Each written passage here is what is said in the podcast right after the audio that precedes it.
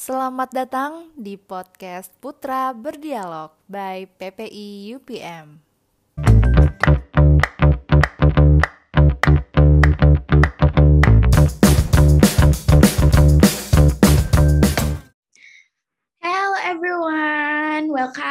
To Podium Podcast Muda Mudi PPI UPM. Gak terasa banget, udah dua bulan berjalan, sekarang udah Februari 2022 aja nih guys. Jadi kita kembali lagi ke podcast Muda Mudi PPI UPM punyanya PSDM pastinya. Kali ini aku deg-degan banget nih, tau gak kenapa? Karena yang aku undang adalah koor divisi sendiri, guys. Jadi sambil dilihat nih perkembangannya sambil nanya-nanya doi juga. Oke, um, kali ini kita mau bahas tentang yang lagi happening sekarang, yaitu uh, pulang dan pergi Indonesia-Malaysia gitu. Uh, terus apa lagi ya? Kayaknya udah deh, nggak usah banyak-banyak. Langsung aja kita undang bundanya PPI UPM. Siapa lagi kalau bukan Kamira. Halo Kamira, apa kabar? Hey, halo Nashwa. Ya aku deg-degan di podcast hari ini. Di sama sama sama PSDM kita tuh, duh.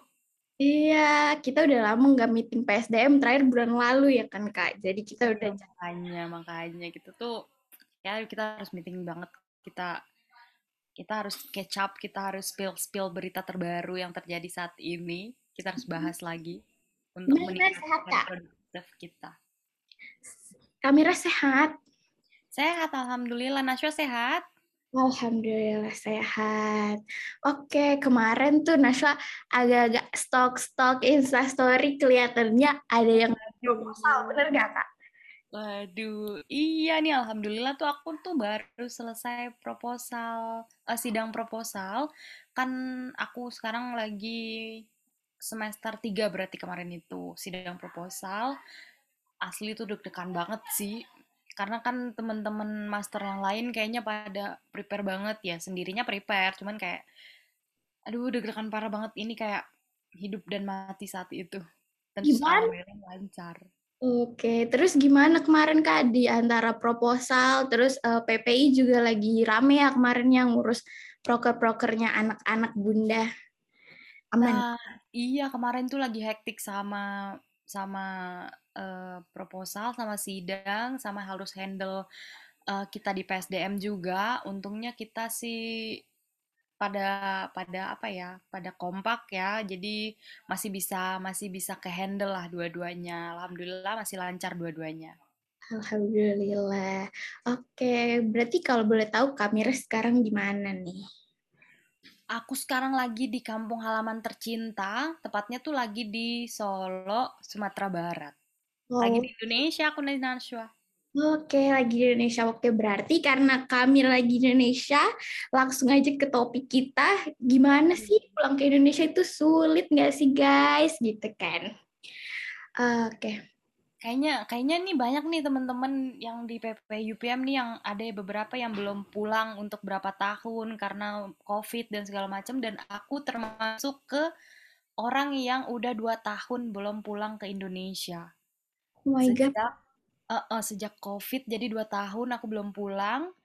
Dan keluarga juga udah Amira kalau pulang nih liburan ini gitu jangan di sana terus kan udah boleh pulang jadi nggak mau pulang dulu. Nanti kalau misalnya emang kelasnya face to face ya udah balik lagi. Soalnya Umi sama Ayah nih udah kangen gitu. Makanya hmm. ya udah deh pulang gitu.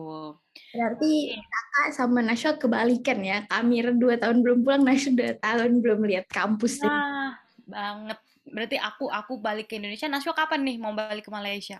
Naswa insya Allah bulan ini, minggu oh, ini. Iya. Oh iya, Naswa mau balik. Kapan? Nasya, bukan mau balik, mau mengunjungi UPM. Mengunjungi, oh kalau aku berarti nanti ke sananya jatuhnya balik. Kalau Naswa berarti mengunjungi baru mau datang berarti ya. Kapan, kapan?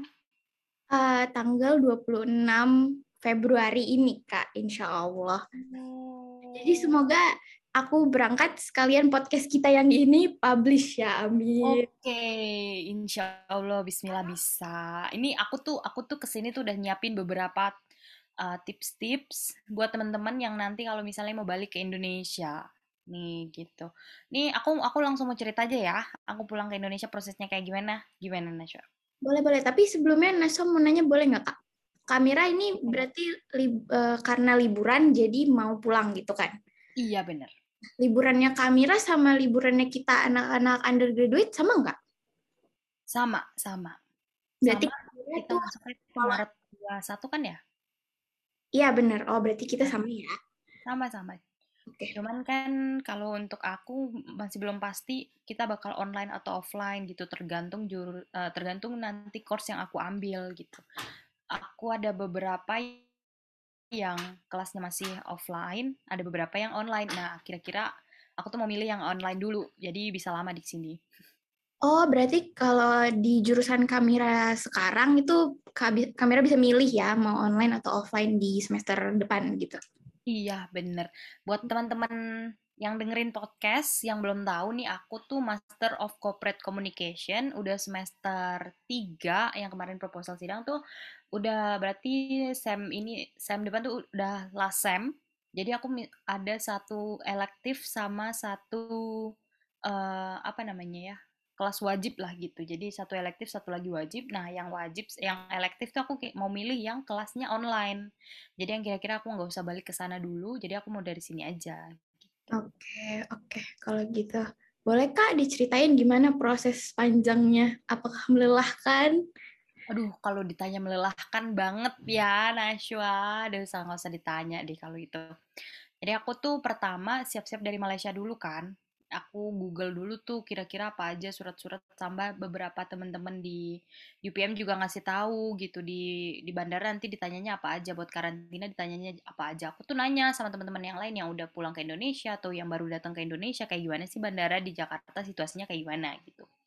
Eh, pertama aku tuh PCR dulu seperti biasa di mana pun ke mana pun pasti perlu PCR kan. Dan itu tuh ke Indonesia yang aku baca dua kali 24 jam. Nah yang aku kagetnya tuh dua kali 24 jam karena kan di Malaysia tuh tiga kali 24 jam. Tapi yang aku baca di Indonesia dua kali 24 jam. Nah asli tuh aku kaget banget.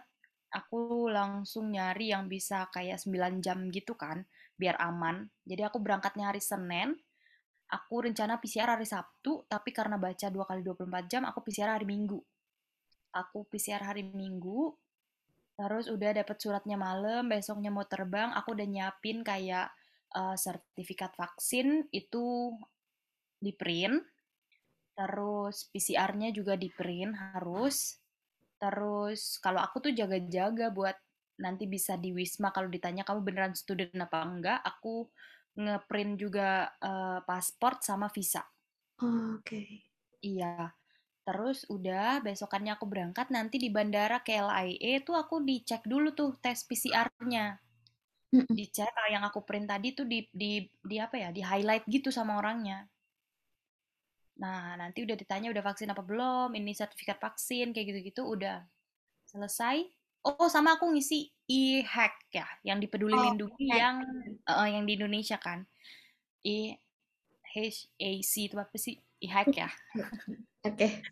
Nah, aku ngisi itu dulu karena teman-teman ada yang bilang isi itu Kak gitu. Ya udah nanti aku ngisi kayak gitu-gitu. Terus udah udah terus ya kayak biasa aja yang di situ prosesnya sama aku naik Malindo kemarin itu Oke. eh, dicek surat-surat semuanya masuk imigrasi juga aman terus udah masuk ruang tunggu semuanya aman pas udah sampai Malaysia eh pas sampai Indonesia nah di sini nih mulai nih Di sini ada dramanya ya. Nih udah karena kan udah deg-degan parah banget kan kayak aku udah dua dan aku kan dari Padang ya maksudnya aku jarang banget aku hampir nggak pernah bahkan turun di Jakarta dari Malaysia. Jadi aku kan kurang familiar sama bandaranya gitu. Aku udah Oke. deg-degan sendiri nih kayak duh bagaimana ya gitu. Cuman ya udah ikutin aja.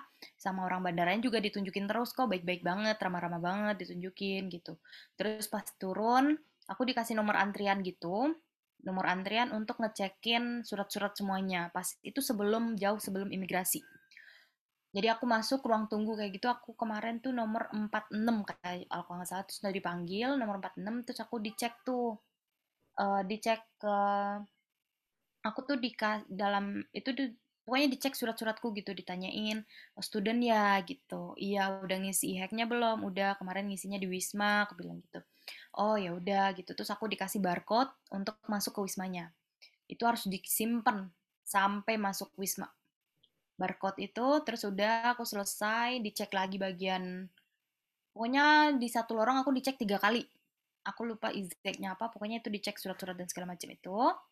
Jadi pas udah dicek itu aku ke habis dicek surat-surat dikasih ke Wisma oh aku diarahin ke Satgas. Diarahin ke Satgas aku dicek lagi ditanyain vaksin. Aku udah ya udah langsung Wisma ya kata dia gitu. Aku bilang iya gitu. Oh ya udah langsung ke arah sana gitu aku jalan jalan ke imigrasi dah tuh. Nah imigrasi pas aku imigrasi tuh lancar jaya banget. Karena waktu itu kebetulan aku termasuk orang yang awal-awal turun jadi nggak terlalu ramai orangnya. Pas lancar selesai imigrasi aku ambil bagasi. Aku landing jam 3 selesai semuanya tuh sekitar jam 5 selesai ah enggak jam 5 ke jam 6 gitu aku lupa. Kayak jam 6 deh pokoknya prosesnya tuh lama banget deh aku dari aku nunggu dari cek apa semua tuh segitu ambil bagasi segitu aku landing jam 3 jam 6 baru keluar untuk nunggu bus ke Wisma. Karena aku ditanyain ke Wisma apa ke hotel, aku, aku bilang ke Wisma Pak gitu kan sama bapak satgasnya. Oh ya udah ke sini, bagian sini gitu. Nah udah terus aku nunggu tuh busnya datang. Lumayan, lumayan. Lumayan memakan waktu yang cukup lama. Uh, lumayan gitu. Nah, aku tuh untungnya udah persiapan buat teman-teman yang nanti mau pulang ke Indo tuh siapin aja bawa bawa apa ya, bawa kayak snack gitu Nanti kan di pesawat ada yang jual minum itu beli dua kalau bisa. Di pesawat karena kan masuk ke ruang tunggu yang ini kan nggak boleh bawa minum kan. Jadi mau nggak mau emang harus beli minum di pesawat. Jadi aku saranin beli dua atau tiga gitu. Karena nunggunya bakal lama. Terus terus uh, habis itu aku ke bus bus buat ke Wisma. Habis itu itu lumayan juga tuh di situ. Nah, yang aku mau saranin tuh pas di situ tuh di bus itu ada beberapa oknum-oknum tidak bertanggung jawab yang mengatasnamakan email. Oke. Okay. Uh, iya di situ. Pokoknya nanti kan kita ditanyain tuh, uh, ada yang beli HP di Malaysia nggak gitu kan? Terus aku bilang iya kenapa? Aku bilang gitu kan. Kenapa pak? Gitu. Maaf saya iya gitu oh harus daftar email ibu kata dia gitu aduh ya Allah bunda dipanggil ibu ibu gue aduh astagfirullah Iya bu, harus daftar email. Nah, aku kan emang udah aware banget kan, maksudnya udah tahu nih email. Cuman aku kan nggak paham situasi lapangan tuh kayak gimana sebenarnya email tuh harus daftar di mana di mana gitu kan. Katanya bea cukai kan. Nah, aku hmm. oh oke okay, bea cukai nih gitu. Nah, terus ada oknum tuh naik ke busnya katanya, iya saya bisa daftarin nih kata dia gitu. Saya bisa bantuin. Nah, awalnya tuh um, aku tuh ngeh kayak ID card dia sama mukanya dia tuh beda. Aku nanya, loh pak, kok ID card sama mukanya beda sih? Terus dia kayak, oh iya saya tadi buru-buru udah disuruh naik ke sini kan sama orang kantor. Uh, jadi saya ngambil mana aja ID cardnya gitu. Nah ini aku saranin buat temen-temen karena dia bakal bilang, dia bakal nyuruh kita bayar beli kartu. Nah kalau kartunya sih nggak apa-apa. Maksudnya kalau emang teman-teman mau beli ya nggak apa-apa beli kartunya gitu kan. Maksudnya Tapi kartu berupa SIM card gitu kak? SIM card, SIM card, SIM card oh, gitu. Jadi oknumnya itu tuh bilang kayak eh harus didaftarin email sekarang kalau nggak sekarang tuh nggak bisa gitu. Which is aku tuh baca kayak ke kantor bea cukai kayak misalnya di mana kalau bisa turun di Surabaya tuh bisa dan ke kantor bea cukai pokoknya bisa daftarnya online free gitu kan. Nah aku taunya gitu. Nah dan aku lihat loh kok kok dia bilang bisa di dia gitu dan bayarnya seratus lima puluh ribu which is itu lumayan ya seratus lima puluh ribu. Dan aku tuh kayak oh emang beneran ya? Gitu. Namanya kita capek udah dari jam 3 sampai jam 6 itu belum makan berat gitu baru snack yang aku bawa kayak misalnya donat gitu doang satu pun mm-hmm. jadi aku capek maksudnya semua aja juga yang bawa snack cuma aku yang lain kan pada capek terus pengen cepet pasti kan sedangkan orang ini tuh lama di busnya kayak lama gitu jadi kayak mungkin dia iyain aja sedangkan aku kayak loh kok bisa sih gitu. Nah, aku tuh saranin buat temen-temen yang nanti mau pulang ke Indo, kalau ada oknum-oknum ini gitu bilang dia bisa daftarin, jangan percaya. Kalian langsung aja ke kantor bea cukainya habis karantina. Nanti habis karantina selesai kalau misalnya ke kalian uh, kayak aku misalnya ke Padang lagi atau misalnya nanti ke, ke pokoknya yang di luar Jakarta gitu ya sempetin lagi stay satu hari untuk ngurusin si email ini misalnya kayak aku kemarin aku selesai karantina hari Jumat aku pulang ke Padang tuh hari Minggu oke okay. nah jadi maksudnya Jumat itu bisa ngurus si emailnya ini ke kantor yang di uh, bandara gitu. Aku feelingnya sih pasti ada di bea cukai yang lain, cuman kemarin aku kan ke bandara gitu ya. Jadi aku saranin banget tuh jangan percaya sama orang-orang yang di bus itu, di bus yang mau ke Wisma tuh jangan percaya mereka nggak akan daftarin email kamu itu bohong. Oknum-oknum tidak bertanggung jawab gitu. Jangan langsung aja ke bea cukainya. Bea cukai itu bukannya waktu kita keluar itu ada dicek ya kak. Kalau nah, di kita nggak bisa ngurus. Nah kalau di situ kan itu buat ngecek yang bagasi kita kan. Maksudnya ada barang-barang yang perlu ini apa enggak. Nah enggak ini ke kantornya. Jadi tuh nanti kita kayak daftar apa gitu, nanti daftar daftar daftar gitu, HP dan segala macam nanti mereka urusin deh gitu. Oke, jadi selama rentang waktu kakak karantina dan uh, ngurus email ke kantor itu uh, emang handphonenya nggak bisa dipakai buat SIM Indonesia ya? Uh, bisa, bisa. Karena dikasih waktu kayak uh, dua bulan gitu kalau aku nggak salah, dua bulan kalau nggak salah. Jadi kayak kita tuh punya kesempatan selama dua bulan untuk ngedaftarin si email ini.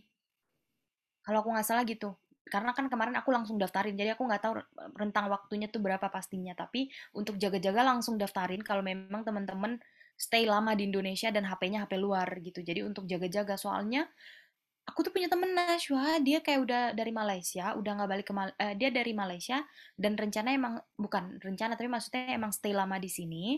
Hmm. Terus dia belum daftarin email.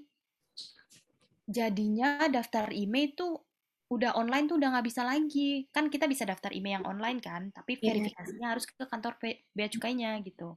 Oh. Nah si temanku ini tuh nggak bisa karena dia udah lewat dari dua bulan, jadinya dia nggak bisa online dan harus ke kantor bea cukai untuk verifikasi kayak gitu-gitu. Dan kalau kamu nggak daftarin email, kamu cuman bisa pakai uh, kart, uh, SIM card yang kamu beli di bus tadi, which is itu uh, sebut merek nggak apa-apa ya? Boleh, boleh. Uh, smart Friend. Kalau nggak salah kart, uh, iya Smart Smart Friend. Yang oh. kamu cuman bisa pakai selama kamu belum daftarin email kamu, kamu cuman bisa pakai Smart Friend ini doang dan which is kayaknya itu bakal boros banget karena kan terkenal mahal internetnya apa semua kayak gitu kan. Hmm, biasanya kan pada pakai apa XL Telkomsel kayak gitu gitu kan. Hmm. nah jadi aku saranin buat teman-teman yang nantinya bakal balik ke Indo yang di luar Jakarta kalau misalnya langsung flight kalau bisa jangan langsung flight ke kampungnya gitu. Maksudnya hmm. jangan langsung flight sisain dulu satu hari besokannya atau lusanya baru terbang urusin dulu nih si emailnya gitu. Hmm. Dan untuk menanggulangi itu, aku saraninnya kalau misalnya emang belum punya kartu uh, Indonesia, pakai dulu beli dulu data roaming. Kemarin aku dikasih tahu sama temen uh, PPI, aku dikasih tahu katanya uh, aktifin dulu roaming. Jadi nggak harus beli kartu kan, kan bisa pakai roaming yang Malaysia itu. At least selama oh, karantina lima hari, jadi lima hari kan masih bisa. Tar baru beli kartu ah, setelah emailnya aktif. Benar, gitu. benar. Oke, itu sangat-sangat uh, iya membantu ya Kak. Walaupun uh, roaming itu terkenal lumayan mahal Kak. Lumayan mahal, tapi at least untuk lima hari boleh lah sampai kalian fixin si emailnya ini karena ya lumayan krusial juga emailnya. Benar-benar. Data itu penting juga Kak di kehidupan nah. kita sehari-hari. Ya ya bener ya karena kayak siapa sih yang nggak iya. internetan hari ini gitu kan. Oke, bertanya soal data dan internet, Kak. Selama karantina nih gimana, Kak? Wifi, apakah disediakan WiFi? Terus gimana hmm. uh, hari-harinya di Wisma Atlet ya berarti, Kak? Kamera ya? Uh, aku di Wisma atau orang-orang tuh ketaunya itu rusun, tapi sama pemerintah tuh dijadiin Wisma Pasar Rumput uh, Manggarai kalau nggak salah. Berarti itu memang disediakan pemerintah untuk uh, warga Indonesia oh, yang pulang dari luar negeri ya? Betul. Jadi Wisma itu untuk uh, student yang pulang ke Indonesia untuk student, terus sama pekerja migran Indonesia deh kalau nggak salah tuh aku singkatan. Oke. Pokoknya untuk eh, terus tenaga kerja gitu, Iya. itu sama pekerja pemerintah.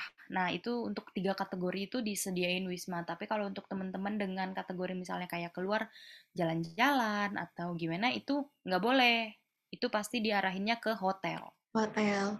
Ke Which is hotel. kita keluar duit lagi ya berarti. Bener. Nah kalau Wisma tuh free, nggak ada bayar sama sekali. Oh gitu. Dan kalau aku pribadi sih lumayan ya betah ya Nasya. Betah gimana dong? Bisa diceritain nggak kak makanannya mungkin atau apa In term of internet itu ada wifi. Untuk aku di pasar rumput itu ada wifi. Yang aku worry kan makanya aku ada data roaming gitu ya. Kayak aku kan beli roaming dari Malaysia. Mm-mm. Eh, eh ternyata ada wifi. Kaget sih sebenarnya kayak, aduh nih roaming tahannya berapa hari selama karantina tahan gak ya gitu kan. Eh ternyata ada wifi di situ. Udah dong streaming dong apalagi ya kan. Iya bener. Ternyata ada internetnya.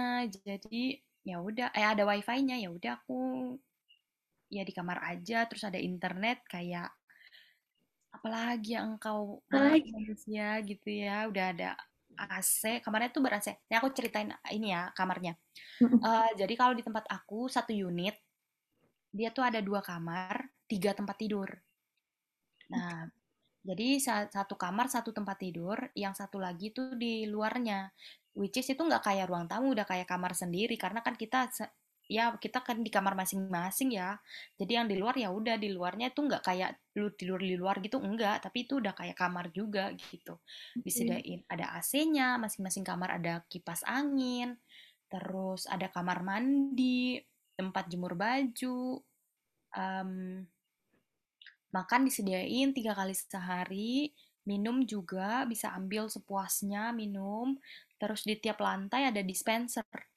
Jadi Oh, kalau untuk teman-teman yang pulang nanti terus selama karantina mau stok nih, bosan mungkin kira-kira dikasih makan nasi terus, boleh dibawa snack atau mie apa sih kayak pop mie tuh, mie apa namanya makannya.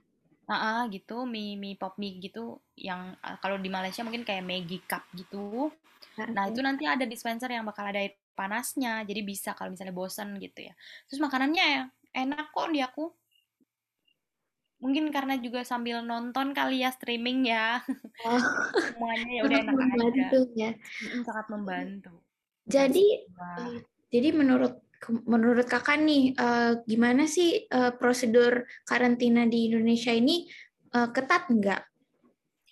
Eh, kalau untuk ketatnya sesuai SOP yang ada gitu, sesuai SOP yang ada di Indonesia.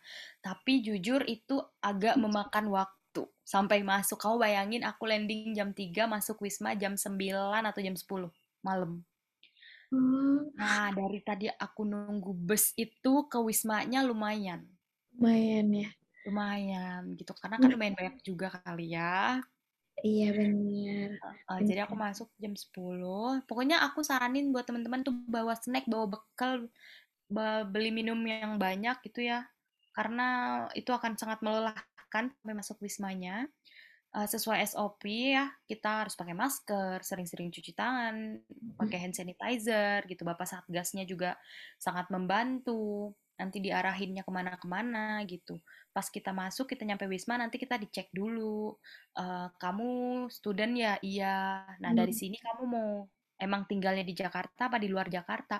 Di luar Jakarta gitu. Oh, di luar Jakarta. Ke mana? Kalau aku misalnya aku bilang ke Padang gitu. Oh iya ke Padang. Boleh alamat lengkapnya, nomor HP yang bisa dihubungi. Nanti kamu mau dijemput apa langsung ke airport, which is nanti kita juga sediain ada bus, kata dia gitu. Tapi itu memakan biaya lagi nantinya. Enggak, sama sekali enggak. Kalau bus kayak karena aku aku dijemput sama saudara, jadi aku kayaknya bus enggak juga. Karena kan bus yang dari kita airport juga free, pasti dari situ ke airport juga free gitu. Oke. Keluar. Oke, berarti kita bahas tentang tesnya nih, Kak. Kalau misalnya aku nih, aku insya Allah nanti ke Malai, total PCR aku ada tiga. Kalau misalnya kita dari Malai pulang ke Indonesia, itu Kak Amira PCR-nya berapa kali? Kira-kira. Ah, sama deh kayaknya. Em, sebelum ke Malaysia satu, Hmm. sampai Wisma aku di PCR satu, benar. selama karantina aku di Wisma satu buat keluarnya. Jadi masuk Wisma aku di PCR, s- eh, satu hari sebelum keluar pun aku di PCR. Jadi totalnya tiga sama di kayaknya sama. Oke, dan itu disediakan dari prosedurnya atau kita Iya. cari sendiri lagi? Enggak, nggak disediain dan itu semua free, nggak ada biaya sama sekali. Jadi nanti itu dan kita milih kamar tuh nanti kan dipilihin kalau misalnya kita mau milih kamar ada ada misalnya kita kan satu kamar tiga orang terus kita pulangnya bertiga nih gitu. Nah kita mau sekamar sama teman-teman kita boleh. Kalau emang kelas eh, sendiri gimana kak? nah kalau aku kan sendiri kemarin pulang jadi ya aku ke mana aja. Mau di, diarahin sama eh, timnya aku oke. Terus kalau misalnya ada orang ajak aku ya aku oke. Karena aku sendiri kan kemarin Berarti emang tetap kita eh, rada campur sama orang lain ya kak pas karantina ya? Eh, satu kamarnya iya, tapi itu kita kan satu pesawat yang udah satu pesawat sama mereka kan, bukan Iya. yang sembarangan gitu. Enggak, kita sama-sama dari Malaysia, kita satu pesawat, kita udah PCR bareng dan segala macam, kita Hmm. satu kamar dan selama karantina kan juga kita di kamar aja. Gitu. Benar-benar dia jatuhnya satu unit kamarnya yang banyak gitu ya? Iya, satu unit. Kayak ini aja lah, kayak apa ya, apartemen ya, Apartemen. kondominium yang satu unit, which is kamarnya banyak gitu. Oke. Mm. Oke, berarti kita bisa bahas ke topik lain yaitu biaya. Menurut Kamira, pulang ke Indonesia memakan biaya yang cukup banyak atau tidak? Em, aduh, pengen curhat nih ngomongin biaya nih. Boleh, boleh. Kita kan santai. Aduh, lumayan ya, Nashwa. Soalnya kan aku jadinya double, bukan double direct, tapi beli satu-satu gitu. Kalau double flight kan kita beli satu tiket aja, nanti kita transit di mana gitu kan. Kalau ini aku kan harus beli tiket pesawat pisah-pisah ke Padang. Bener. Ya, lumayan. Curhatan, curhatan anak luar Jakarta ya kak ini kak. Nah, iya curhatan banget anak luar Jakarta. Soalnya kan ke Jakarta lagi. Sebenarnya tuh ada tahu eh, ini apa pesawat langsung ke Padang dari KL. Cuman kan gara-gara koronces yang merajalela ini, Bener. Jakarta karantina dulu. Itu Ya. aku Malindo kemarin. Mau, aduh, mau nge-spill biaya nih. Biaya, Kalau kalau biaya flightnya, kalau kakak mau privasiin nggak apa-apa. Cuman kita bahas ke lebih spesifiknya ke karantinanya. Maksudnya kita ngomongin government apakah memakan duit kita seperti yang dibicarakan di berita atau enggak aman-aman aja kok gitu. Aku jujur sendiri aku aman-aman aja sih ya dari pengalaman aku. Iya. Aku aman-aman aja, nggak ada biaya sama sekali dari pemerintahnya. Wisma kita juga free, makanan kita free, minum kita free, semuanya unless tiket pesawat. Itu Oke. aja sih, bener-bener nggak ada biaya sama sekali yang aku keluarin kemarin selama di Wisma. Bener-bener nggak ada. Berarti aman ya kak? Berarti Aman, aman. Untuk teman-teman nggak usah takut kalau misalnya apa-apa juga bapak-bapak Satgas dan mas-mas mbak-mbak yang bantuin selama di em, bandara juga baik. Ramah kalau ditanyain juga pasti jawab gitu. Nggak ada yang kayak di kalau ini pengalaman aku ya em, nggak ada yang kayak diberitain ini biaya-biaya segala macam. Kalau untuk aku pribadi nggak ada. Aku nggak ngeluarin biaya sama sekali di luar em, flight sama PCR di Malaysia bukan PCR di Indonesia-nya Berarti selama masa-masa kakak pulang ini semuanya oknum-oknumnya sangat helpful ya, kita bisa bilang. Iya, sangat help. Bah, aduh ya Allah. Ya, Helpful. pokoknya sangat membantu banget. Anas yang itu tadi tuh, yang di bus, aduh asli itu kesel banget Mas. Pokoknya teman-teman tuh take note banget, jangan sampai percaya sama orang oknum-oknum tidak bertanggung jawab yang mengatasnamakan email itu benar. jangan. Mending kalian bayar data roaming 50 ringgit terus lima hari selama karantina daripada harus itu. Masalahnya mungkin biayanya tuh sama, cuman kan karena nipu dan segala macam itu jadinya keselnya tuh kayak, duh kenapa sih nih orang-orang gitu. Masalahnya kan kita jujur ya Nashwa aku tuh kayak dua tahun belum pulang sekalinya pulang kayak kaget, aduh kok banyak oknum-oknum tidak bertanggung jawab, kasihan banget sama ibu-ibu bapak-bapak yang nggak tahu info itu gitu. Benar-benar. Tapi itu berarti balik lagi ke, ke security bandara dong, Kak. Maksudnya kenapa oknum seperti itu bisa masuk ya? Bisa Nah, bocor gitu ya istilahnya. Nah, kayaknya gitu iya, mungkin mungkin ada kelengahan juga kali ya gitu sampai sih orang tidak bertanggung jawab ini bisa bisa kayak gitu gitu. Tapi pada akhirnya kamera tertipu atau tidak? Atau kamera udah sadar di tengah jalan? Uh, tertipu sih Nashwa. Tertipu. Berarti keluar cash juga dong pada saat itu. Uh, banget, banget. Makanya untuk aku, karena kan itu ya kebodohan sendiri ya. Makanya aku bilang untuk pemerintah aku nggak keluar biaya. Ya. Tapi karena kebodohan sendiri keluar biaya. Gitu. Karena kan karena kan tadi itu karena kan bodohnya tuh kayak ya Allah kenapa bisa percaya banget sama orang itu? Gitu kan kan udah cari informasi kemarin. Makanya aku nggak nggak bilang masih tadi nasionalnya berarti pemerintah ini nggak keluar biaya? Enggak cuma karena kebodohan sendiri aja makanya. Padahal kan udah search udah teman-teman udah ngisi tahu nggak tahu kenapa mungkin nggak nggak mau membela diri tapi mungkin karena capek pengen cepet kali ya tapi benar. semuanya membela diri Nasya tapi tetap aja benar. Itu ya Allah astagfirullah Karena jujur emang kalau ngurus lintas negara pada saat pandemi ini kita sebenarnya jujur pengen satset satset dan banget, harganya banget. ada affordable gitu ya kak. Banget banget banget walaupun ini. Oh satu lagi nih aku pengen saranin buat temen-temen kalau misalnya pulang ke Indonesia Naswa bawa ini kalau misalnya colokan HP-nya yang tiga itu, yang tiga ini tuh nggak? Oh iya colokan nah, Malaysia sama Indo beda ya. Nah, Malaysia sama Indonesia kan beda. Jadi kalau teman-teman yang punya gadget beli di Indo, beli di Malaysia, terus jangan lupa dia tuh beli ini, beli yang adapter. Adapter, adapter benar. Adapternya tuh jangan lupa. Karena jujur saya yang nitip adapter Malaysia ya kak, karena colokan saya dua semua nih. oh bener, iya, iya kamu. Ini ya Naswa, ini ya dari sini beli HP-nya di sini terus colokannya dua. Nah, lo PR kan? PR banget. Eh, tapi iya. ini ada kan ya yang jual di sini kan ya? Ada, ada. Ada. Siap-siap Nashwa. Gimana nih? Oh, terus uh, selain kamera ditipu uh, keluar kita keluar cash lagi, itu tapi data-data pribadi aman kan Kak? Dia nggak minta aman, aman. Semuanya aman. Semuanya aman dipegang sama ibu bapak satgasnya yang jagain Wisma nanti pas pas kita di bus itu kita diambilin paspornya buat daftarin ke Wisma. Terus nanti nyampe Wisma dibagiin lagi. Terus untuk kita registrasi dan segala macam dikolek lagi paspornya disimpenin sama bapak itu, eh bapak itu, bapak ibu itu. Jadi pas sudah keluar dari Wisma kan kita di PCR lagi, pas ngebagiin hasil PCR untuk keluar Wisma nanti dibagiin lagi paspornya. Oke. Okay. Aduh ya Allah malu banget gue sampai ketipu. Astagfirullah. Ya ampun, jangan sampai kejadian lagi di nah, kita dan teman-teman teman-teman PPI yang mau pulang jangan sampai ada kejadian itu lagi. Kejadian itu lagi, benar-benar benar. Uh, itu juga jadi pelajaran sih buat kita yang uh, sendiri ke mana-mana, bakal sendiri ke mana-mana, yang bagiin data pribadi, kayak nomor benar. paspor, NIK segala macem. Terus jangan gampang banget bilang iya ngeluarin duit, benar ya kak? Iya benar.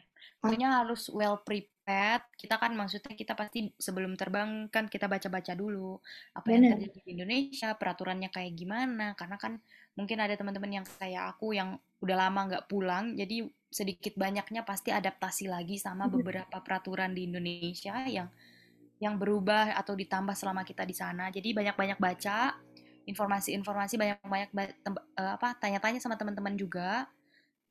Bener. Kayak gimana sih nanti di Indonesia kayak gitu. Pokoknya well prepared deh udah banyak nih uh, kejadian-kejadian yang tidak enak jangan sampai terulang terulang terulang gitu. Oh iya da, terus di pandemi ini juga kebijakan berapa harinya karantina itu berubah terus loh kak? Waktu kak Mira ini sekarang berapa hari kak? Kemarin aku baca kalau nggak salah tuh aku lima hari. Dikasih tahunya lima hari. Lima hari oke. Okay. uh, uh, lima hari dari uh, itu termasuk aku masuk dan keluar jadi lima hari Oh, Oke, okay. itu nggak tergantung vaksinasi ya. Soalnya kalau ke Malai kita yang vaksin bisa, yang booster udah bisa lebih lebih cepat, tapi yang belum booster lebih lama gitu. Um, enggak, enggak sih kayaknya karena disamain aja unless vaksinnya satu, baru satu. Kalau vaksinnya baru satu, oh berarti ya lah tergantung vaksin lah berarti ya. Iya, Kalau vaksinnya tuh baru satu itu tujuh, kalau vaksinnya udah dua itu lima. Oh oke, okay. berarti mirip oh, ya. Aku karantina which is minggu lalu ya. Berarti mirip ya kak? Uh, mirip mirip. Oke, okay. terus kak Amira kira-kira ada informasi yang ingin ditambahkan? uh, surat PCR dari Wisma itu kan 3 kali 24 jam. Oke. Kayak yang aku bilang tadi, teman-teman sisain dulu satu harinya untuk ngurusin email kan. Mm-mm. Nah, itu surat PCR-nya tuh masih bisa dipakai. Ah, sebenarnya tuh aku pernah nanya ke petugasnya, bisa nggak surat PCR-nya saya pakai karena saya mau flight-nya tuh di lusa. Which is Mm. kalau aku keluar hari Jumat, aku terbang di hari Minggu ya berarti. Iya, Nah, aku benar. tanyain tuh, eh Pak maaf ini PCR-nya boleh nggak aku pakai kalau aku flight-nya hari Minggu? Katanya bisa, karena tiga kali 24 jam kan. Hmm. Keluarnya tuh ada hari Jumat kebetulan. Jadi langsung dibagiin gitu, pas keluar langsung dibagiin. Bisa-bisa kok kalau mau gitu. Cuman karena aku kemarin was-was, karena kan ada yang bilang surat PCR kalau keluar Jawa itu dua kali 24 jam. Eh, ada yang bilang tiga kali 24 jam. Nah, kemarin aku tuh ragu, aku ragu, aku antigen ke Padang. Aku antigen yang satu kali 24 jam itu. Itu benar. kemarin aku keluarnya tuh 15 menit deh kayaknya. Nah, udah. Antigen tuh lebih cepat ya keluarnya ya, Kak. Berarti kalau eh, terbang Jakarta Padangnya itu berarti eh, itu balik lagi ke peraturan yang udah di dalam negeri, benar nggak? Benar, benar. Kalau itu kita udah harus uh, peraturan dalam negeri. Makanya aku bilang banyak-banyakin baca biar tahu info-info terbaru. Karena kan ya kita tahu sendiri, pasti uh, peraturan-peraturannya berubah-berubah terus kan, Berubah-berubah. ngi- mengikuti kondisi yang ada gitu. Dan Jadi kemarin aku jaga-jaga, mungkin bisa pakai PCR itu. Aku nggak tahu, cuman karena aku jaga-jaga antigen jaga-jaga. dan langsung masukin ke Peduli Lindungi yang aku bilang tadi aku udah aku udah Ya, daftar, aku udah download, udah masukin eh, nik KTP gitu-gitu, jadi langsung masuk ke Peduli Lindungi karena pas yang mau terbang ke Padang, pas check-in kita ditanyain Peduli Lindunginya mana, terus antigennya gimana, kapan, positif atau negatif, baru boleh terbang. gitu. Oke, berarti eh, dilengkapin data-datanya, jangan malu bertanya juga ya, Kak, kalau bisa kita di sana. Ini jangan malu bertanya, banyak-banyakin baca, sama selama masuk Wisma sabar-sabar, sama banyak-banyak makan. Iya, benar. Supaya nggak sakit, emang harus jaga kesehatan Bener, sekarang. Kak. Pokoknya tuh, pokoknya dan aku saranin juga, kan udah habis PCR dari Malaysia tuh kalau bisa jangan keluar-keluar lagi. Kalau emang nggak penting-penting banget. Jadi kayak ya isoman sendirilah gitu. Oh iya, Soalnya di di Jakartanya nanti kan eh, PCR lagi, jangan terjadi apa-apa gitu. benar, benar, benar. Jadi setelah PCR ataupun ya mungkin seminggu mau terbang ke Indonesia, kalau bisa udah jangan keluar-keluar lagi, stay di rumah aja gitu. Benar-benar karena jujur, Hal-hal eh, Mm. ya, karena jujur Omikron ini katanya penyebarannya mudah banget ya. Iya, makanya kan itu agak bikin deg-degan karena kemarin tuh aku bukan seminggu, aku aku baru isoman seminggu kan mau pulang. Kayaknya aku keluar dua minggu apa tiga minggu sebelum itu aku dapet My Sejahteranya tuh kuning. Close contact with ini gitu. Aku udah deg-degan parah mau terbang kan soalnya. Apalagi Oh, lintas negara terbangnya aku deg-degan deg-deg parah deh pokoknya. serem banget ya, Kak. Iya. Makanya kan kaget, aku telepon-teleponin ke flightnya, ke ininya tuh, aduh biasa lah ya susah banget kan pasti gitu. Terus alhamdulillahnya nyambung, kata orang ininya nggak apa-apa, eh, kalau yang penting casual contact itu nggak apa-apa. Kalau udah close contact baru nggak boleh. Jadi buat temen-temen kalau misalnya ini ya kalau jangan sampai casual apalagi close contact sama orang yang kena karena di My Sejahteranya akan langsung masuk. Jadi kalau bisa jangan keluar-keluar dulu tuh dua minggu deh, dua minggu sebelum. Oke. Jangan keluar-keluar. Sejahtera itu dia sistemnya gimana ya, Kak? Maksudnya kita kita scan juga ya kayak peduli lindungi terus eh, kalau di tempat itu ada yang kena dia jadi ke notif ke kita gitu. Iya, bener. Oh, Di notif kita. Dan dan itu tuh kayak kan kalau misalnya nih kayak apa ya? Ada mall UPM tuh yang deket UPM IOI. Kalau kita masuk ke IOI gedenya kan ada scan lagi. Nah, Mm-mm. store store nah itu kalau mau masuk ke misalnya apa Tesco, terus itu scan lagi kan. Terus scan. Nah, kalau misalnya kamu stay di Tesco lebih dari 15 menit, itu nanti pasti ada hal yang misalnya ada orang COVID di situ, nah pasti kamu kena di kuning My Sejahteranya, close contact gitu. Oke. Cuma close contact itu keterangannya em, apa ya? Kurang dari 15 menit dan jarak sama si orang yang kena tuh lebih dari satu setengah meter apa dua meter gitu. Jadi makanya uh, sama sama aku telepon kemarin orang ininya nggak apa-apa, aku terbang tuh nggak apa-apa. Aku ke Indo nggak apa-apa. Kita yang bisa lebih hati-hati lagi ya kak, uh, nah, karena iya makanya buat teman-teman yang mau balik tuh hati-hati. Kalau bisa jangan keluar lagi. Dua minggu sebelum tuh jangan keluar. Oke, kalau gitu. Iya. Gak terasa nih Kak, kita ngobrolnya udah kepajangan. Kita Aduh. terlalu seru ya ngobrolnya. Enjoy juga ya ternyata. Enjoy banget. Uh, sebelum Nasya tutup, pertanyaan terakhir Nasya nih, uh, boleh nggak Nasya nanya?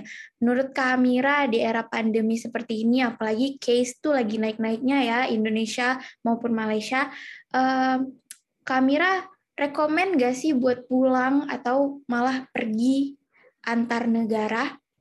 Uh, aku misalnya aku nggak bisa bilang rekomen atau enggak jujur karena hmm. kalau misalnya kayak uh, Nashwa mau pulang ke Malaysia gitu ya karena kan obligation UPM face to face nanti jadi mau nggak mau emang harus balik dan Benar. harus ada di UPM juga kan gitu. Dan untuk balik ke Indonesia jujur kalau misalnya aku aku nggak bisa bilang aku rekomen teman-teman untuk balik apa enggak juga. Hmm. takut juga ya saya ya. Karena maksudnya gini jujur um, apa pun bisa terjadi di era saat ini. Jadi kalau misalnya pengen pulang jaga-jaga bener-bener jaga-jaga SOP banget. Pakai masker kalau bisa double masker. Hand sanitizer tuh jangan lupa banget jaga jarak sama sama jangan keluar-keluar banget deh gitu. Jadi kalau misalnya jangan hmm. mentang-mentang udah di kampung sendiri seenaknya ke mana-kemana tuh jangan juga gitu. Jangan sampai kita kena pas di sini atau kita nyebarin ke orang gitu kan kasihan juga gitu. Jadi kalau hmm. nasionalnya rekomen apa enggak ya dilihat dari jawabanku aja deh. aku nggak bisa bilang aku rekomen apa enggak nih gitu karena kan keperluan masing-masing ya kayak aku udah dua tahun gak pulang gitu. Mungkin ada teman-teman juga yang tiga tahun ada yang empat tahun mungkin gitu. Terlepas dari kebutuhan kita pokoknya di mana pun kita harus tetap prokes ya kak.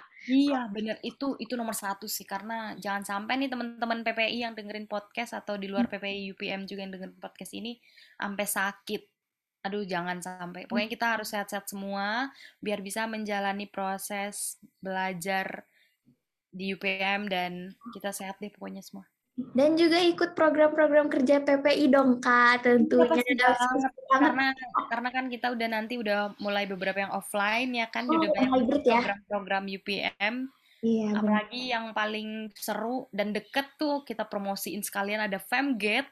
Jadi oh untuk teman-teman PPI dan Nashwa juga pasti ikut nih karena udah ke sana kan. Insya Allah. Okay. Mewakili aku yang udah di Indonesia, mewakili PSDM aku ya, Nashwa. Bisa nanti iya. share ya. ya. Jangan lupa pada daftar guys. Jangan lupa pada daftar karena pasti seru banget tuh Femgate nanti kita kenal sama teman-teman baru yang selama ini kita cuma bisa lihat di Zoom. Akhirnya iya, kita ketemu nih ternyata iya. secantik ini Nashwa gitu. Masya Allah, Kamira juga. iya, oke. Okay. Kalau gitu, makasih banyak Kamira udah bisa datang ke podcastnya anak sendiri. Aduh, iya. Biar, ya, teman ini pada tahu nih tips-tips pulang ke Indo kayak gimana. Iya benar, iya benar. Sehat-sehat, sukses terus Kamira buat uh, eh, S2-nya. Terima kasih. Mudah-mudahan ini proses podcastnya juga makin lancar. Amin. Untuk nextnya guest-guestnya juga makin kece-kece. Oke, okay. kalau gitu kita bisa bisa ngasih tahu juga nih ke para pendengar kita kalau mau request undang siapa di podcastnya Podium bisa dikontak ke Kamira atau aku, Nashwa. Benar banget, bisa dikontak ke aku apa Nashwa atau bisa komen nanti kita ada tuh bakal ada broadcastnya, terus komen deh tuh. Atau nanti di IG-nya PPUPM, bisa hmm. di komen kalau misalnya pengen kita ngundang siapa lagi nih. Ya kan Naswa, ini berhubung PSDM punya proker, kita berdua dari PSDM. Jadi kalau teman-teman mau request siapa, boleh banget request ke kita. Benar. Terus siapa siapa siapa lagi yang ingin memajukan pengetahuannya, yang mau ngasih artikel ke kita? Waduh kak di websitenya PP bener anak gue biar bisa ya, jadi penulis handal. ya, bener. Yuk kita tinggalin jejak kita sebagai studi bener. website PPI UPM. Karena kapan lagi kan? Kita ninggalin jejak kita kayak kayak kapan lagi kita tuh di recognize ya. Siapa sih yang menulis artikel ini? Oh Kak Nashwa atau Kak Mira. Oh Kak ini. Kemarin ada dari Kak Yohan sama Kak Ocha jadi teman-teman nanti pasti di recognize sama teman-teman uh, eh, PPI UPM selanjutnya. Yuk kita tinggalin jejak yuk dengan post artikel Benar, oke. Kalau gitu sampai sini aja. Sampai jumpa di podium episode selanjutnya. Makasih semuanya. Jangan lupa follow juga Instagram, subscribe YouTube, dan semuanya sosial medianya PPI UPM. Terima kasih semuanya. Bye-bye. Bye-bye. Terima kasih.